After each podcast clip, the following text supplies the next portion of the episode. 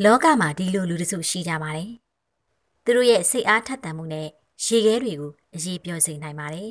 ။သူတို့ရဲ့ဇွဲစိတ်ဓာတ်နဲ့နှင်းရေခဲတွေကိုအနိုင်ယူနိုင်ပါတယ်။ရေခဲပြင်ပေါ်မှာအံ့ဩစရာတွေဖြစ်အောင်ကပြနိုင်ပါတယ်။နှင်းနေကြထဲမှာငယ်ရွယ်နှုတ်ပြမှုတွေကိုအစွမ်းကုန်ပြသခဲ့ပါတယ်။အောင်မြင်သူတို့မှတ်တမ်းများဆိုတဲ့ဗီဒီယိုဆက်လံကိုနားဆင်ကြည့်ကြပါရှင်။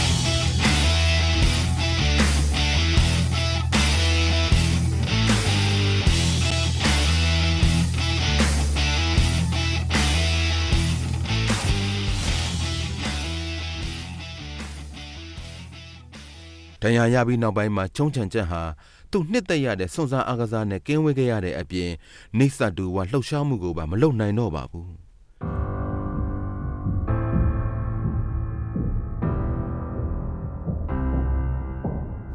ကျုံးချန်ချက်ဟာ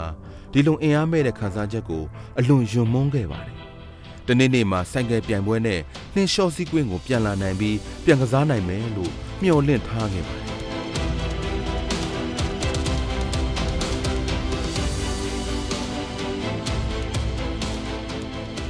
မော်တော်ဆိုင်ကယ်ရဲ့ထိန်းချုပ်မှုကကျုံးချန်ကြံစိတ်ကူးထားတာတဲ့ပိုခက်ခဲပါတယ်။ခါအောက်ပိုင်းကအတိအာယုံမရှိတော့တဲ့အတွက်ခါးနဲ့ချက်တော့ကိုအသုံးပြုပြီးဆိုင်ကယ်ကိုထိန်းချုပ်ဖို့သူမလုပ်နိုင်ခဲ့ပါဘူး။ထိန်းချုပ်မှုအလုံးကဒီလက်နှစ်ဖက်ပေါ်မှာပဲရှိနေပါတယ်။မော်တော်ဆိုင်ကယ်မောင်းထွက်သွားတဲ့အချိန်မှာကျုံးချန်ကြံဟာဆိုင်ကယ်ဘယ်လိုမောင်းရမလဲဆိုတာတော့လုံးဝမေ့သွားတယ်လို့ခံစားမိလိုက်ရပါတယ်။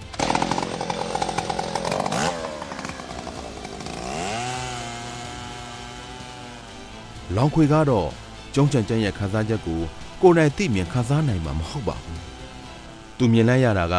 ကျုံးချန်ချန်ကဆိုင်ကယ်မောင်းနေကြအကျင့်အတိုင်းလမ်းပြောင်အတိုင်းမီတာ20ကျော်30လောက်မောင်းထွက်သွားပါတယ်။ပထမဆုံးအကွေ့ကိုရောက်တော့ကျုံးချန်ချန်ဟာဘလို့ကွေ့ရမှန်းမသိတော့ဘဲနဲ့ဆိုင်ကယ်ဟာရိမ့်ခါလာပြီးတော့ဘေးကိုဝုန်းကနေလဲကျသွားပါတော့တယ်။လူအလုံးကအပြေးလွှတ်နဲ့ပြေးလာကြပါတယ်။ကံကောင်းတာကတော့ဆိုင်ကယ်လက်ရန်အကာအကွယ်ရှိနေတာကြောင့် မြေပေါ်လဲကျသွားတဲ့ဆိုင်ကယ်ဟာကျုံးချန်ချန်ရဲ့ခြေထောက်ကိုမဖိလိုက်မိပါဘူး။လောင်ခွေရောက်လာချိန်မှာတော့ကျုံးချန်ချန်ဟာခါးမှချီထားတဲ့ကပတ်ကြိုးကိုသူ့ဟာသူဖြေပြီးမော်တော်ဆိုင်ငယ်ပေါ်ကနေဘေးကမြေကွက်လက်ပေါ်ကိုကုံယုံသွားနေတာမြင်လိုက်ရပါတော့တယ်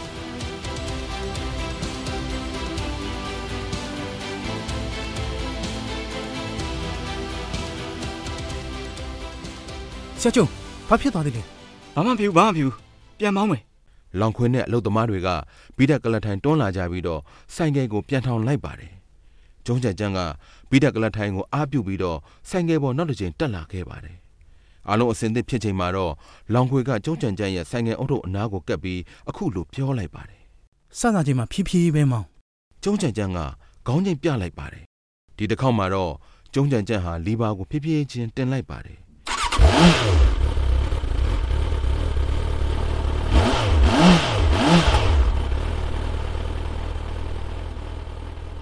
ကလပ်ကိုလွှတ်လိုက်တော့ဆိုင်ကယ်ကအရှိကိုဖြည်းဖြည်းချင်းရွေ့သွားပါတော့တယ်လောင်ခွင်နဲ့အလုတ်သမားတွေကခလေးကိုစပိန်စီတင်ပေးနေကြသလိုမျိုးဆိုင်ကယ်ကိုဝိုင်းထိန်ပေးရင်းနဲ့တော်တော်လှန်လှန်ပြေးလိုက်ရပါတယ်ကျုံးချန်ချန်ဟန်ချက်ထိန်းသွားနိုင်တာမြင်တော့မှဖြည်းဖြည်းချင်းလက်လွတ်လိုက်ကြပါတော့တယ်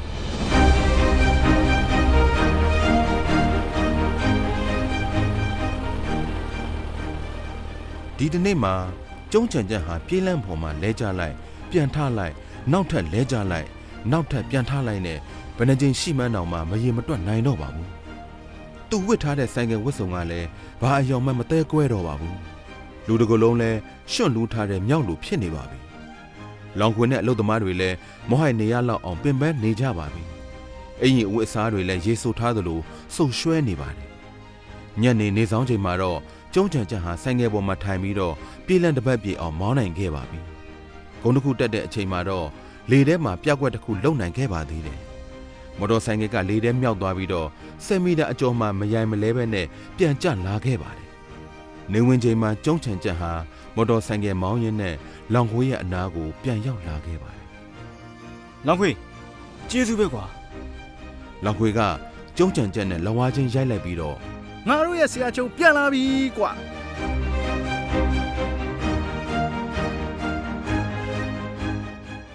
မော်တော်ဆိုင်ကယ်အခက်အခဲကိုအနိုင်ပြန်ယူလိုက်တဲ့ကျုံးချန်ချက်ဟာယုံကြည်ချက်တွေတိုးလာခဲ့ပြီးဒီရက်ပိုင်းမှာတက်ကြွလန်းဆန်းနေခဲ့ပါတယ်။ကျုံးချန်ချက်ဟာနောက်ထပ်ပန်းတိုင်တစ်ခုကိုရှောက်လန်းဖို့စတင်ကြံစီလာပြန်ပါတယ်အဲ့ဒီပန်းတိုင်ကနှင်းလျှောစီအားကစားပါပဲ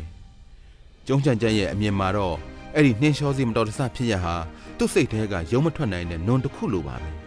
ဘလို့ပဲဖြစ်ဖြစ်ဒီနွန်ထဲကနေသူယုံထွက်ဖို့ကြိုးစားရပါတော့မယ် ဘေကျင်းမြို့မှာစေယုံတက်နေချိန်တည်းကကျုံးချန်ချန်ဟာခနုံးအေကာကိုသူ့နောက်ထပ်နှင်းလျှောစီလိုတဲ့စိတ်ကူးရှိကြောင်းပြောပြခဲ့ပူပါတယ်လင်းငါလာကြာပြီးတဲ့ဒီတစ်နေ့မှာတော့ကျုံးချန်ချန်ဟာရုံးခန်းထဲမှာကုမ္ပဏီကိစ္စတွေလုပ်နေချိန်မှာလက်ကင်ဖုန်းကနေခနုံးအေကာရဲ့ message တစ်ခုကိုရုတ်တရက်ရလိုက်ပါတော့တယ်ဆရာကျုံခမည်းကိုဒီဗီဒီယိုပြကျင်တယ်ကျုံးချန်ချန်ကဗီဒီယိုဖိုင်ကိုဖွင့်လိုက်တော့ နှင်းလျှောစီအားကစားသမားတဦးကအထူးပြုလုပ်ထားတဲ့ snowboard ပေါ်မှာထိုင်နေပြီးတော့လက်နှစ်ဖက်ကလက်ကင်တစ်ခုစီကင်ထားပါတယ်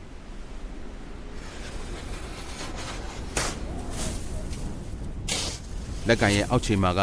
snowboard သေးသေးလေးတစ်ခုစီတက်ထားပါတယ်အားကစားသမားကအဲ့ဒီပုံစံနဲ့နှင်းလျှောစီလမ်းကြောင်းပေါ်ကနေတောင်အောက်ကိုထိုင်လျက်နဲ့လျှောစီသွားပြီးတော့လက်နှစ်ဖက်ကလက်ကင်ကိုဖြစ်ဖြစ်လက်လက်နဲ့ဥတီချက်ကိုထိမ့်ချုပ်နေပါတယ် အရှိန်နဲ့အလွန်လှည့်မြန်ပြီးတော့တာမန်လူတွေနှင်းလျှောစီတာနဲ့ထူးမခြားနာပါဘူးဒီဗီဒီယိုကိုကြည့်လိုက်တော့ကျုံးကြံကြံဟာနှလုံးခုန်မြန်လာပြီးတော့အသက်ရှူသံတွေပြင်းထန်လာပါတော့တယ်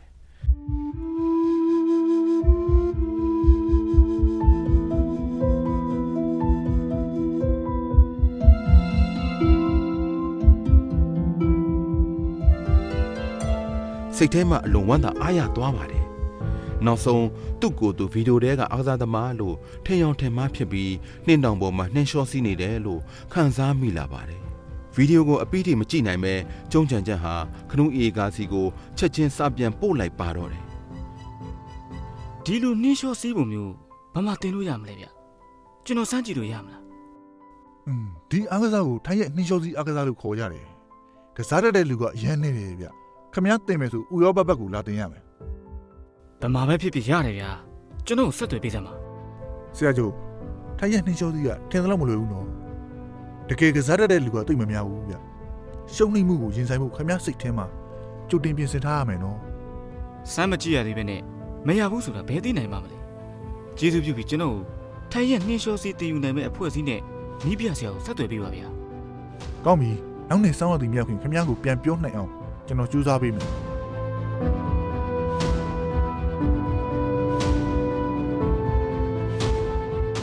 နူးအေကာနဲ့စားပို့ပြီးသွားတဲ့နောက်မှာတော့ကျုံးချန်ချန်ဟာခနူးအေကာစီကနေပြန်အကြောင်းကြားလာဖို့ကိုမျှော်လင့်စောင့်စားနေခဲ့ပါတယ်လာမယ့်လအနှဲငယ်မှာကျုံးချန်ချန်ဟာတရက်တရက်လက်ချိုးရည်ပြီးဖြတ်တန်းလာရတယ်လို့ပြောရပါမယ်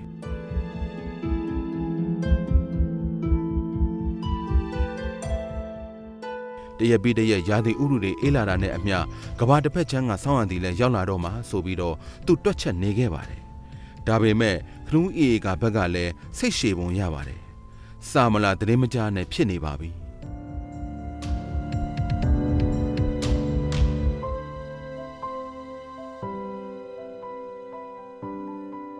2015ခုနှစ်ဇန်နဝါရီလ30ရက်ညတကောင်တရုတ်နိုင်ငံဟောင်ကောင်မြို့ခနူးအေကဟာရုံးခန်းစပွဲရှိမှထိုင်ရင်ဖုန်းကိုပကုံးနဲ့ပါးချမှညှက်ထားပြီးဂျာမနီစကားနဲ့ဖုန်းပြောနေပါတယ်လက်နှစ်ဖက်က laptop ပေါ်မှာအလုပ်ရှုပ်နေပါတယ်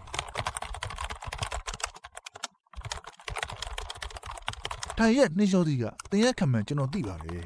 ဒါပေမဲ့ကျွန်တော်တငယ်ချင်းကလည်းအရန်တင်ကျင်နေတယ်သူ့အခြေအနေကိုတစ်ချက်လောက်နားထောင်ကြည့်ပေးလို့မရဘူးလားဗျာဟုတ်တယ်သူကတရုတ်လူမျိုးပါသူအရင်တော့ကနှင်းလျှောစီမှမစိုးဘူးဗျအော်ဟုတ်လားထိုင်ရဲ့နှင်းလျှောစီကိုတင်ဘူးတဲ့တရုတ်လူမျိုးမရှိဘူးလားမာတင် ကျွန်တော်လိုက်ရှာတာဥရောပတစ်ခုလုံးနှက်နေပြီခင်ဗျားကကျွန်တော်အတွက်နောက်ဆုံးမျှော်လင့်ချက်ဗျကျေးဇူးပြုပြီးကျွန်တော်ကိုမြင်လိုက်ပါနဲ့ဗျာသူကအစွန်သားအကလသမားပါရမီရှင်ဗျအခုဆိုသူဆိုင်ကယ်ပြန်စီးနေနိုင်ပြီသူ့လိုလူမျိုးကရှားတယ်ဗျကျွန်တော်ရှောက်ပြောနေတာမဟုတ်ပါဘူးဗျာကောင်းပြီကျေးဇူးတင်တယ်ဗျာမာတင်ကျွန်တော်အခုပဲသူ့အချက်လက်တွေအသေးစိတ်ပို့လိုက်မယ်အဲ့ဒါဆိုကျွန်တော်တို့သဘောတူလိုက်ပြီနော်ဖုန်းချပြီးတဲ့နောက်မှာတော့ ခနူးအေကာဟာဝင်းတော့ဝင်းမိုးကြီးပေါ့သွားတယ်လို့မျိုးတက်ပြင်းတစ်ချက်ချကစပွဲခုံဘောကနာယီကိုလှမ်းကြည့်လိုက်ပါတော့တယ်ဒီအချိန်ဟာ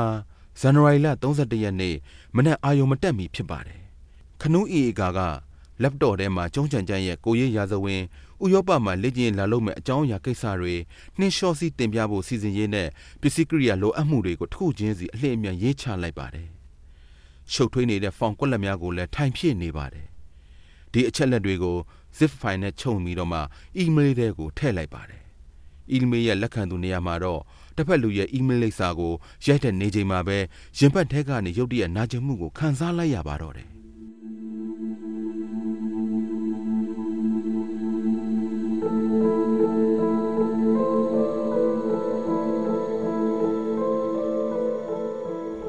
ခနူးအေးကလည်းတကိုယ်လုံးဇောချွေးပြန်လာပြီးတော့အသက်ရှူသွမ်းနေလဲပြင်းလာပါတယ်။ သူကမတိစိတ်ကနေအန်ဆွဲဖွင့်ပြီးတော့စေပလင်းယူဖို့လှလှမ်းမိလိုက်ပါတယ်။ဒါပေမဲ့ရုတ်တရက်တစ်ခုခုကိုပြန်စင်းစားမိသွားပြီးအန်ကျိတ်ကသူ့လက်ကိုစပွဲခုံပေါ်ကနေကွန်ပျူတာမော့စ်ပေါ်ပြန်တင်လိုက်ပြီးခက်ခက်ခဲခဲရွှေ့လိုက်ပါတော့တယ်။ကွန်ပျူတာမှန်သားပြင်ပေါ်မှာတော့အဖြူရောင်မြားကောင်းကတုံတုံရင်ရင်နဲ့သူ့ရဲ့နောက်ဆုံးပန်းနိုင်ကိုရွေရှာသွားနေပါတယ်။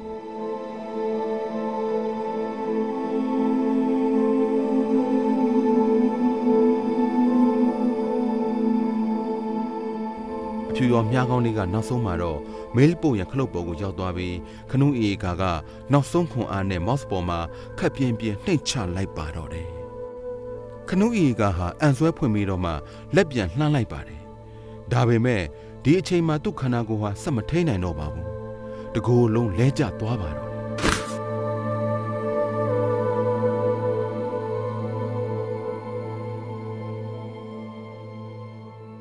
။ခနူးအေကာက ကြမ်းပြေမမှာလဲကြရင်မျက်နှာချက်ကိုငေးကြည့်ကဆရာကျော်ခမရကိုကျုပ်ပြောခဲ့တဲ့ကိစ္စကျုပ်လုပ်ပေးနိုင်ခဲ့ပြီဗျ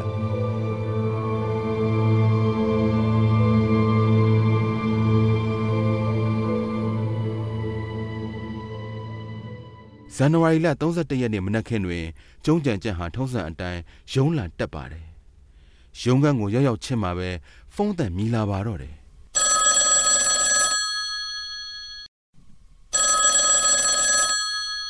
န်းထဲကနေတလော်ရဲ့အတန်ကိုကြားလိုက်ရပါတယ်လမ်းကြောင်းခဏူးစောင်းသွားပြီဟမ်ဘာဘာပြောလိုက်တာ။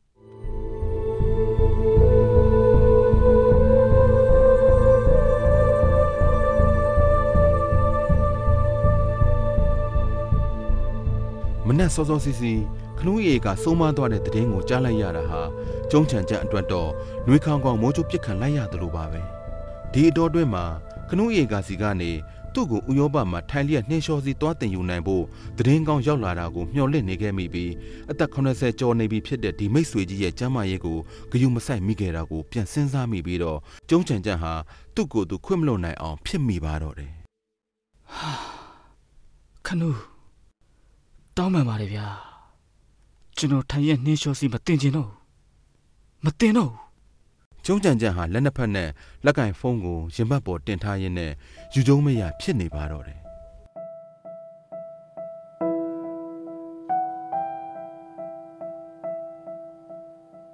နှစ်လကြာပြီးတဲ့တနေ့မှာတော့တရုတ်နိုင်ငံကအယောက်60ကျော်ပြစ်မှတ်အားကစားလက်ရွေးစင်များဝါသနာရှင်များဟာတရုတ်နိုင်ငံဘေကျင်းမြို့တော်မှာစုဝေးနေကြပါတယ်သူတို့ဟာ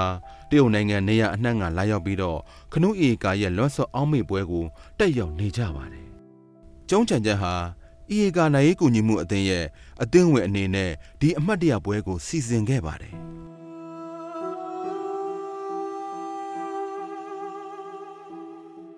အမှတ်တရပွဲမှာမိတ်ဆွေတငယ်ချင်းတွေက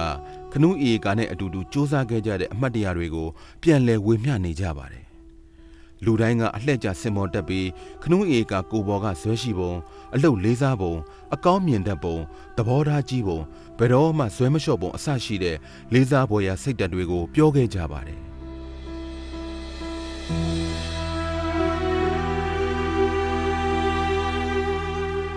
ကျုံးကြံချက်စင်မော်တက်ပြောတဲ့အလှည့်မှာတော့သူဟာဘီးတက်ကလတ်ထိုင်နဲ့စင်မော်တက်လာခဲ့ပါတယ်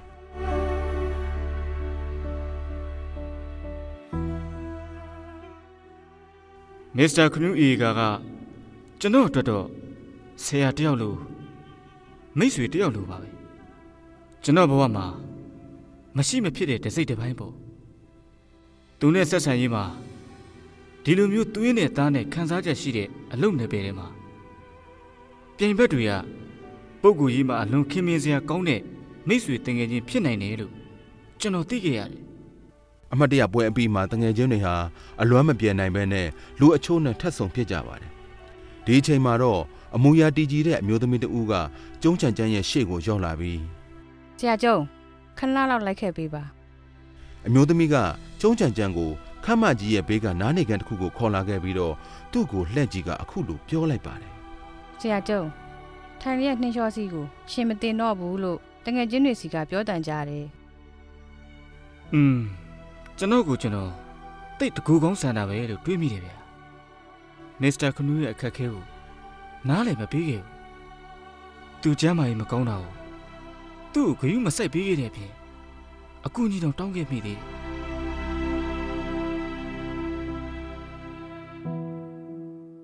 ဒါပေမဲ့ဆရာကျုံရှင်သိရဲ့လားခန္ဓာမဆုံးခင်နောက်ဆုံးလုပ်ခဲ့တဲ့အလုပ်ကရှင်အတွက်ဥရောပမှာထိုင်ရက်နှင်းလျှောစီသွားတင်မှု ဆက်သွယ်ပေးတဲ့ကိစ္စပဲသူကနောက်ဆုံးထွက်သက်ထိရှင်အတွက်ဒီကိစ္စကိုရအောင်လုပ်ပေးသွားတယ်ရှင်အတွက်သူအားလုံးစီစဉ်ပေးထားတယ်တကယ်လို့ရှင်ဆွနှုတ်လိုက်မယ်ဆိုရင်သူအရန်ဝမ်းနေမိမှာပဲ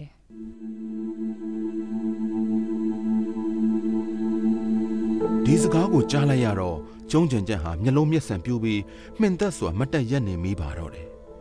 အချိန်တွေဟာရက်ဆိုင်သွားသလိုပါပဲ တမိနစ်နီးနီးလောက်ကြာသွားတော့မှကျုံးချန်ချမ်းရဲ့နှမှုပေါ်ကချွေးသေးများကျလာပြီးတော့မျက်လုံးတွေစနေလာပါတော့တယ်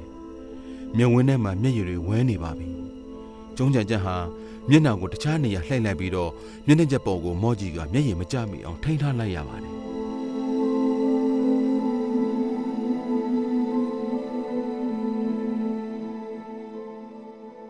ဒါပေမဲ့မအောင်မြင်ခဲ့ပါဘူး။ကျုံးကြံကြံဟာ မျက်နှာကိုလက်နှစ်ဖက်နဲ့အုပ်ရင်းပခုံးတွေတုံရင်နေခဲ့ပါတယ်။ခဏကြာတော့မျက်နှာကိုတုပ်လိုက်ပြီးတော့သူ့ခေါင်းပြန်မော့လိုက်ပါတယ်။ကျွန်တော်အခုပဲဥရောပအဖွဲ့ချုပ်ကိုသွားဖို့ဗီဇာလျှောက်လိုက်ပါမယ်။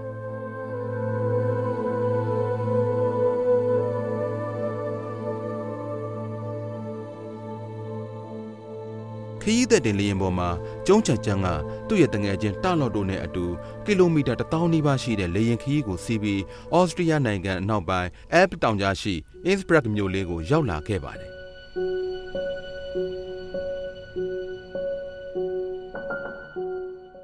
ဒီမြို့လေးကဆောင်းရသည့်အိုလံပစ်ပွဲတော်ကိုနှစ်ကြိမ်ကျင်းပမှုသောမြို့လေးပဲဖြစ်ပါတယ်။ကျုံးကြံကြံဟာ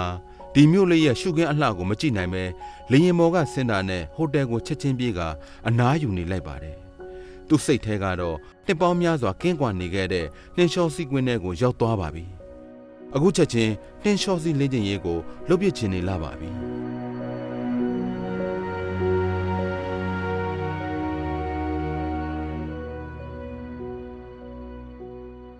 နောက်တစ်နေ့မနေ့ရောင်နီပြိုးကစားမှာကျုံးကြံကြံဟာဘီးတက်ကလထိုင်နဲ့ရန်နာကိုထွက်လာခဲ့ပါတယ်။ဒီအချိန်ခါမှာကောင်းကင်ပေါ်မှာတိမ်တွေအုပ်မှိုင်းနေပါတယ်။တိမ်တိုက်တွေက ကောင်းကင်တစ်ခုလုံးကိုအုပ်မိုးထားတဲ့အပြင်အပ်တောင်ရဲ့နှင်းတောင်ထိပ်ကိုလည်းဖုံးကွယ်ထားပါတယ်။ကျုံးကြံကြံရဲ့ရှူတောင်ကနေကြည့်လိုက်ရင်တော့အစ်စပရက်မြို့လေးတစ်ခုလုံးကိုဖြူဖွေးနေတဲ့နှင်းတွေနဲ့အိမ်ခေါင်မိုးတွေလက်မတန်းတွေတစ်ပင်တွေကအစအဖြူရောင်ဖြစ်နေအောင်ဖုံးလွှမ်းထားတာကိုမြင်နေရပါတယ်။ စီးနှင်းတွေဟာကျုံးကြံကြံရဲ့ခေါင်းနဲ့ပခုံးပေါ်ကိုကျလာပြီးတော့အင်ကြီးကော်လန်ကနေတဆင့်ကျုံးကြံကြံရဲ့လက်ဘင်းထဲကိုတိုးဝင်နေပါတယ်။